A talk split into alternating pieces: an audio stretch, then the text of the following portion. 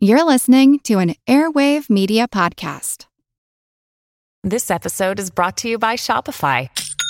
Forget the frustration of picking commerce platforms when you switch your business to Shopify, the global commerce platform that supercharges your selling wherever you sell. With Shopify, you'll harness the same intuitive features, trusted apps, and powerful analytics used by the world's leading brands. Sign up today for your $1 per month trial period at shopify.com slash tech, all lowercase. That's shopify.com slash tech. When you need mealtime inspiration, it's worth shopping Kroger, where you'll find over 30,000 mouth-watering choices that excite your inner foodie. And no matter what tasty choice you make, you'll enjoy our everyday low prices, plus extra ways to save, like digital coupons worth over $600 each week. You can also save up to $1 off per gallon at the pump with fuel points. More savings and more inspiring flavors make shopping Kroger worth it every time. Kroger, fresh for everyone. Fuel restrictions apply. This is Kick Ass News. I'm Ben Mathis.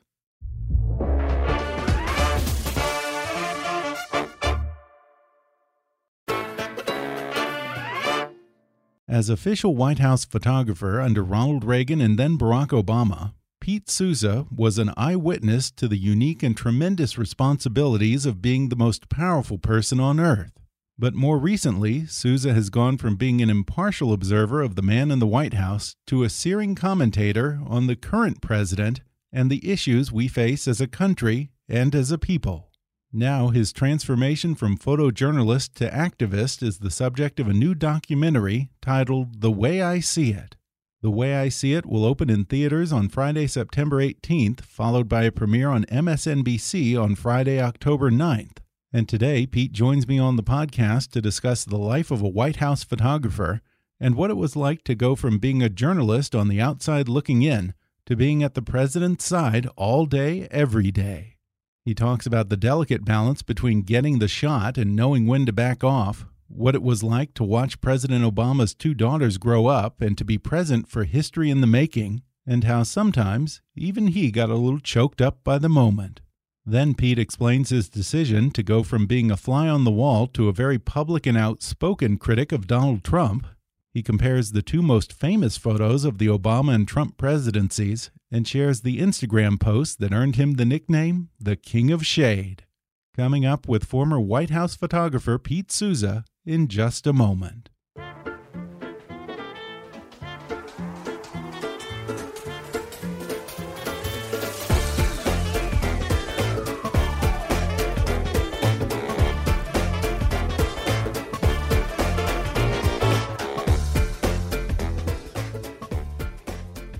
Pete Souza is a photojournalist and best-selling author who served as the official White House photographer during the administrations of Ronald Reagan and Barack Obama. Now Pete is the subject of a new documentary called The Way I See It by Peabody Award-winning filmmaker Dawn Porter. The Way I See It opens in theaters this September. Pete Souza, welcome to the podcast. Thanks for having me on. I appreciate it. Well, Pete, I want to start by giving folks some background on you. Your first tour of duty, so to speak, as White House photographer was under Ronald Reagan. What was it like to go from being a photojournalist to being on the inside and sort of having, I don't want to say more of a publicity role, but uh, the role of a documentarian in the White House? Yeah, I did. I did that job when I, I started that job when I was in my 20s. So I was sort of just starting out my career, and you know, through circumstance and and luck, I ended up um, in the White House because I knew the White House photo editor. I came in the middle of Reagan's first term, didn't know him at all, had never met a president before. So, uh, you know, walking into the White House and, you know, being able to walk into the Oval Office when other people couldn't was just, you know, quite a bit overwhelming the first several months, I would say. Uh, yeah, I can imagine. And you admit in this documentary that you weren't a fan of some of Ronald Reagan's policies, but I'm curious what you thought of him as a person. What was Reagan like behind closed doors? He was a very difficult person to get to know. Really? Um, the I mean, his his his best friend was his wife, and I think that she is kind of the only one that, um, you know, really really knew him. Um, so there was this sort of like veneer to him where he just wouldn't let uh, people in. that said, he was a he was a decent human being. Um, I thought that he respected other people from from all walks of life. He's very amiable. Um, I, I I I liked him as as a person. And Pete, I've heard you say that most of the behind the scenes shots of a president aren't usually seen until after he leaves office. But you also say that your favorite pictures of Ronald Reagan weren't from the big public events like the speech on the Berlin Wall, but these little stolen moments when it seems like no one's looking, oftentimes involving Nancy. Do you think Reagan's handlers did him a little bit of a disservice by controlling his image so tightly and not allowing the public to see this side of him? I, I, I do. Uh, I, I do. I mean, it, you have to go back to that period of time, though. I mean, he he got elected by um, his handlers controlling his image, mm-hmm. right? And we were also at a time when um, the there were only three networks. There was Time and Newsweek, and that was sort of what everybody paid attention to, mm-hmm. in ter- especially in terms of visuals. Um, and so it was it was easier for them to, you know, control the image for those sources. Yeah. Me- meanwhile, behind the scenes, I'm trying to make real pictures, authentic pictures of what's happening, and I think some of those pictures, in retrospect, I wish they had uh, come out at the time, um, and, and and they and they had it. Yeah, and you make a good point here that uh, that was before social media and Instagram and Twitter and everything. You know, nowadays the public thinks that they have a right to know their president right. on a personal level right. and have personal access to the intimate details of any celebrity's life. It's a very different era. I mean, I'll give you a specific example. If you go back to what was it, January 1986, and the space shuttle Challenger exploded shortly after takeoff. There mm -hmm. was mm-hmm. a big big tragedy. Reagan wasn't watching it live, but right after it happened, he retreated with his aides to his his private dining room, and they had a little black and white TV. And I got this picture of them all solemnly watching the the replay of this for the first time, and it's kind of a heartbreaking picture in in, in many ways. And I remember the photo editor was like, "Oh, well, we should release this photograph to the to the meet to the media." And the Reagan's handler said, no, we can't put this out. And it's sort of like when you look at that picture now, I, there's no reason why you wouldn't want to show him um, in, in, that moment. And and I think I think in, in, in some respects, that's where the the controlling of the imagery had had just gone a little bit too far. I I think, in trying to show him as a human being and you returned to the White House almost 20 years after Reagan left office to again serve as the official photographer, this time under President Obama. Uh, this may be a bit of a dumb question, but uh, what's the difference between doing that job as a man in your 20s and your 30s versus doing it in your 50s and your early 60s? Well, I think there were some advantages to being an older, uh, you know, I don't like to say older, I like to say seasoned professional. There you go. Um, you know, having uh, having had the experience uh, at the White House during the Reagan administration and not having, to, you know, total access, um, having known Barack Obama for four years before he became president, so I already established a professional relationship with him. Um, and I, you know, I think that I was much more confident in my abilities. I I knew how the White House worked. I wasn't intimidated by powerful people.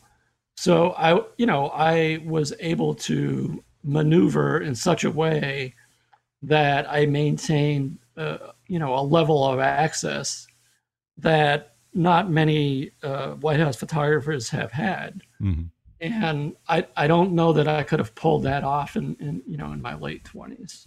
Yeah, I want to talk about that access. It's sort of a strange job because I assume that you have to have some kind of a relationship or a rapport with the president, or else you get frozen out. But you also sort of have to be able to blend into the background and disappear in order to get those truly candid moments that are so great. How do you strike that balance? Well, fortunately, I had as my main subject someone who understood the value of um, uh, having someone like me document his presidency for history. Um, so I had that going in. However, you know, put yourself in his shoes. All of a sudden, you have this guy following you around all day, every day, taking photographs all day long. You know, that takes a little getting used to. I'm sure. And so there was there was a little bit of a I, I don't know if I'd call it a dance, just me being aware of that and sort of, you know, sort of easing into it. And Mhm. and um, it, you know, it got it got to the point where no one no one minded that I was there because I think I went about it in such a way that I wasn't uh, interfering with what was taking place. I wasn't a nuisance. I wasn't, you know, I, I carried quiet cameras. I didn't use a flash. I didn't use a motor drive. And, um, you know, I was kind of stealth about it. And so that it, it you know, I really felt, I, you know, that you've heard the expression fly on the wall. I, I guess I was kind of a fly on the wall, although I think, you know, I think people were aware that I was, that I was there. But I imagine it must be hard to be a fly on the wall when so many of your pictures take place in the Oval Office. I mean, how do you disappear in a room with no corners?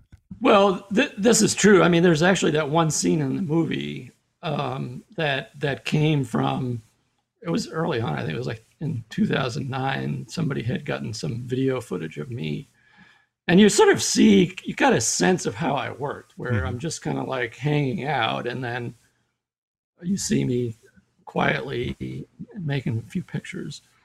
I, I mean, I, I, I guess I had a knack for being able to do that, as, as you know, as best as I can articulate it. What is the typical schedule of a White House photographer? Or is there such a thing as a typical day in your job? Well, there's you know there's typical days that when he's at the office, which is it's funny because over the course of his administration, his start time got later and later. Um, you know, he's a he's a night owl, and er, you know early on he was starting right at nine o'clock, and then it sort of shifted to nine thirty. But I would usually try to get to the office like an hour beforehand, and I also was the director of my office, so I had some other responsibilities. Um, it was kind of the only time I was ever in my office was early in the morning. Uh, and then I would just be in the Oval Office when he arrived um, every morning from from the uh, from the residence, and then you know I would get his schedule, but you know the schedule was kind of like a starting point with him.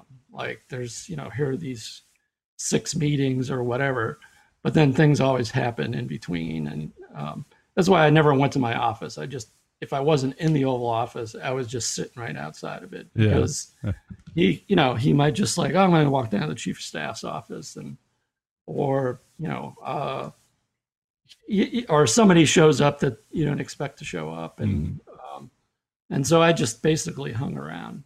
That's, that's what my day was like. Yeah. Yeah. I, I love something that Samantha Power says in the documentary. She says that everyone on Obama's staff would freeze and sort of stand at attention whenever you would enter a room because they knew that if the White House photographer arrived, the president was never far behind him. It, Yeah. it almost kind of sounds like you were one step removed from being the president's body man. Yeah, it was funny because it, that was especially so.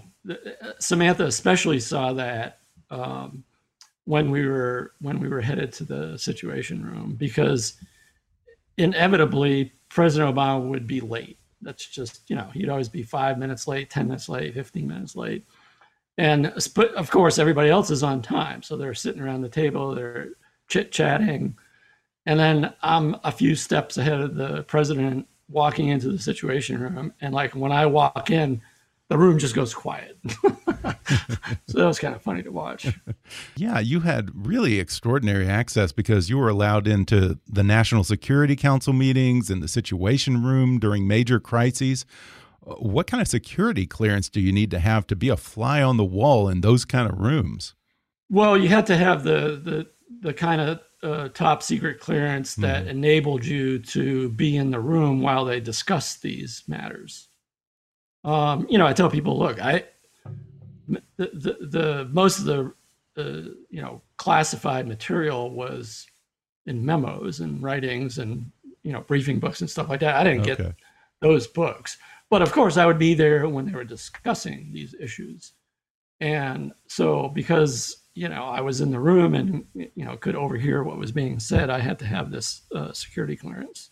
Probably your most iconic photo takes place in the Situation Room, and in the film, you contrast that now famous shot that you took of President Obama and his staff in the Situation Room as they awaited news of the Bin Laden raid, with a similar photo of President Trump during the al Baghdadi raid.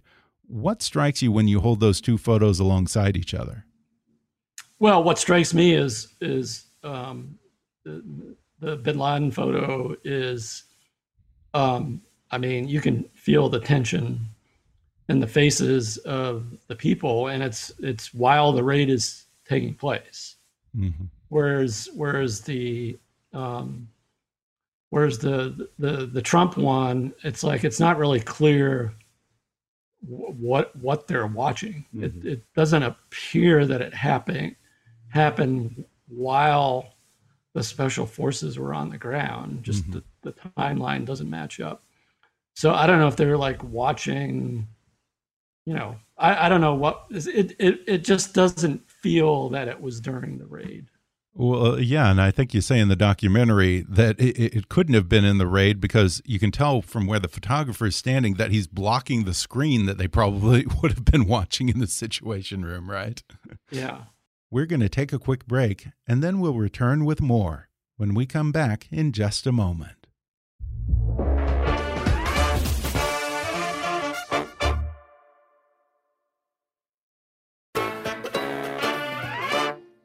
Pete, let me ask you this. Do you think that Donald Trump gives your successor in the White House as much access as Obama gave you? Well, I think that's for for myself and the former um, official White House photographer. That's like the million dollar question. I don't mm. know. I have no knowledge one way or the other. We don't see those pictures, but it's possible. It's possible they're they're they're being made.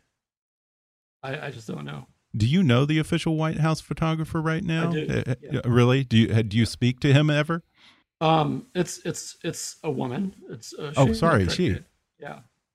So no, I mean the last time I I talked to Shealah was on inauguration day, 2017.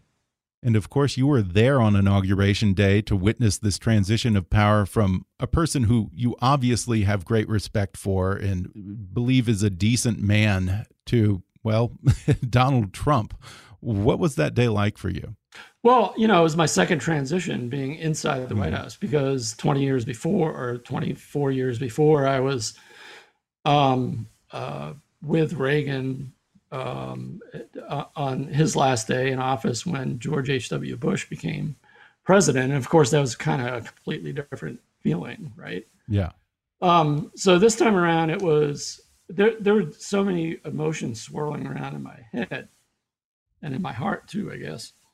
In that uh, I was like worn out, um, both physically and mentally. This job is very taxing in in that it's you know 24 7 365 for eight years you know you you just never get a break and so i was looking forward to um, that being over that that you know there was this sense of um release that it that it had ended and um and and i was i was being uh freed from this uh from this job in so many ways.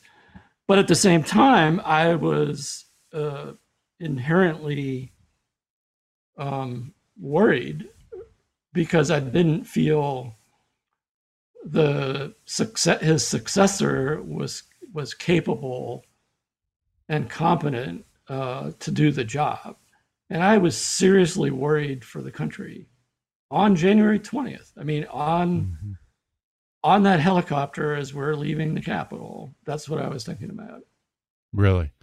Well, Pete, when you're there for the inauguration of a president and all of these powerful and emotionally charged moments in a presidency, actually witnessing history, how do you keep it together? Are there ever moments when you get choked up a little and can't hold it in? Um, for the for the most part, I was able to uh, keep keep my emotions in check. But there are times, and both of them, the two that two of the ones that come to mind are you know both um, in the film. One was the the uh, the day of the shootings at uh, Sandy Hook School in, in Newtown. Um, that was that was a hard day, and what was even a harder day for me was two days later when we went to Newtown, and he had to console all these families. Mm-hmm. Um, and and you know, and it's it's it's uh, it's it's done in a private way, and but but I'm there to make make pictures, and you can just imagine the the raw emotions taking place. Uh, you know, these parents had lost a six or seven year old kid wow. two days yeah. before, you know, and what a circumstance to be interacting with the president of the United States. So that was, just, you know, th- that was a really hard day. Mm-hmm. And I cried a lot that day. Um, and then I think the the other day had a, a swirl of emotions was um, in 2015, the the same day that the Supreme Court upheld same-sex marriage, we also had to travel to Charleston, um, where where President Obama gave the eulogy for Reverend Pinckney, one of the nine African Americans shot and killed at a prayer service. Um, and that was that was a, a, you know an emotional day, and in some ways an uplifting day when he sang "Amazing Grace."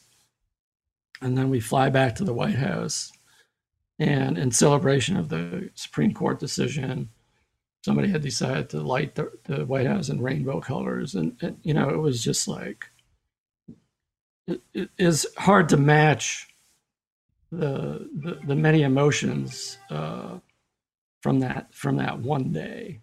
And on a personal level, is it hard not to get emotionally invested in the president and his family? Because your job is not to be there as a cheerleader or propagandist for the president. You are there as a documentarian. And in that sense, you're sort of supposed to be dispassionate. But how do you do that when you're around him all the time, privy to his relationship with his wife, seeing him in his most vulnerable moments, watching his hair turn gray and um, his kids grow up? I don't know. I mean, I I, th- I think that there, there's sort of this. Uh, um, it's it's it's an odd interplay where um, you know you're you're photographing the the president of the United States, mm-hmm. but then there are these moments where you know you're talking to your friend Barack Obama, and you know you're talking about his family in in a, in a very personal way, and somehow I was able to I think. Um, do both of those things. Mm-hmm. Um, you know, and it's it's not. I mean, there's there's been times in my career where I've done a long term assignment, and I followed one subject for you know three weeks, six weeks, whatever it be, and you have that same sort of kind of relationship where you're trying to tell their story, but at the same time, you obviously develop a connection with them, very mm-hmm. personal, and um, so it's not you know it's not unlike that. Pete, up until recently, you've been pretty much apolitical. But a couple of years ago, I think around the time of the inauguration, you started posting these photos of Obama and sometimes Reagan on Instagram as a form of commentary on what's going on with Donald Trump in the White House. Was it a hard decision to go from being behind the scenes to taking a very public political stance? I don't know that it was a hard decision. I mean, I kind of started out um, with it being mostly, you know, done with a sense of humor. Mm-hmm. And if you go back to my early Instagram posts, most of the time I wasn't even I wasn't even like commenting on what I was talking about.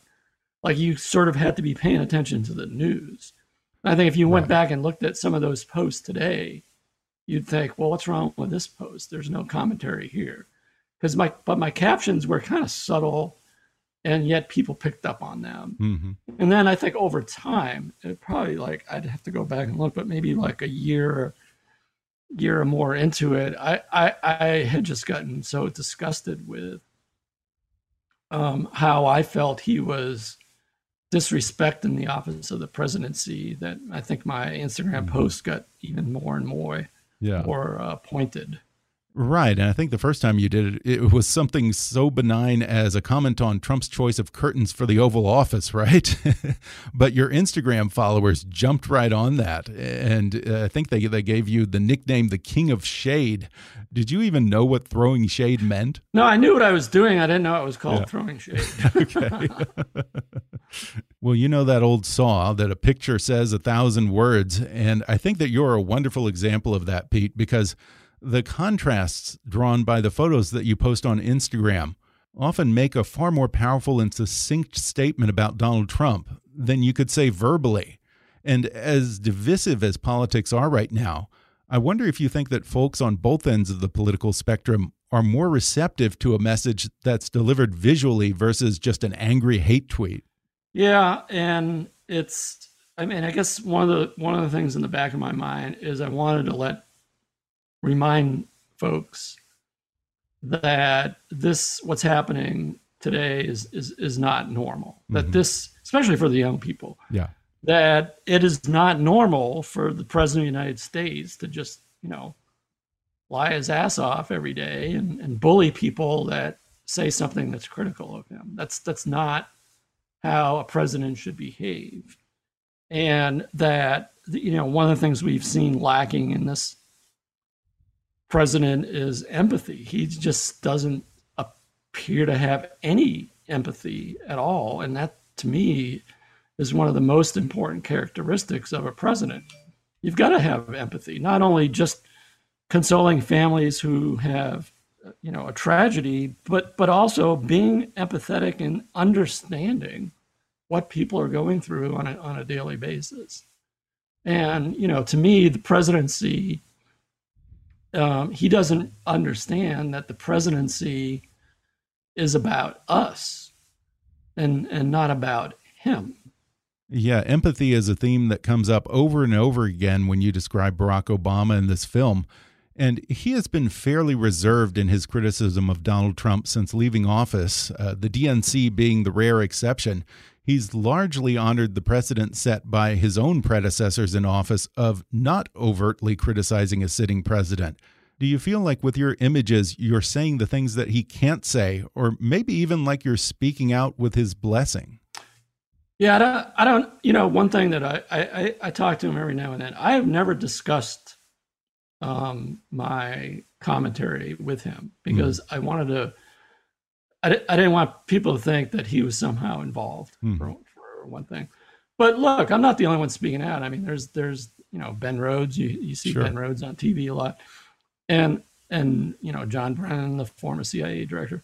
Um, so I'm I'm not the only one uh, speaking out, but I think that collectively people prob and I've never had like any kind of discussions with any of my former colleagues about this. This is just my perception is that uh, well, actually, Ben Rhodes talks about this in the film, which is that um, you know it. Barack Obama should not be reacting to every one of Donald Trump's tweets. Right. You know that his voice is He's too important.